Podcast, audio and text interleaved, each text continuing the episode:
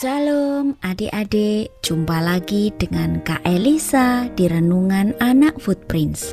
Hari ini kita akan merenungkan tentang biasakan berdoa dulu.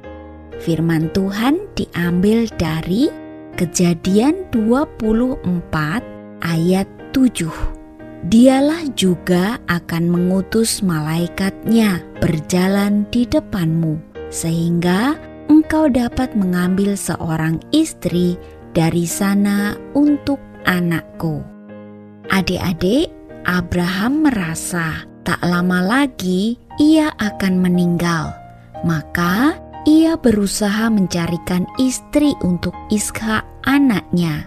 Tetapi ia tidak berusaha sendiri. Ia meminta Tuhan untuk memimpin supaya Ishak mendapat istri yang baik.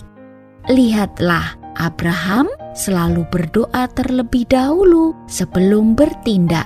Kita juga perlu membiasakan diri seperti itu, selalu berdoa sebelum melakukan sesuatu, sebab Tuhan tahu semua yang terbaik untuk kita.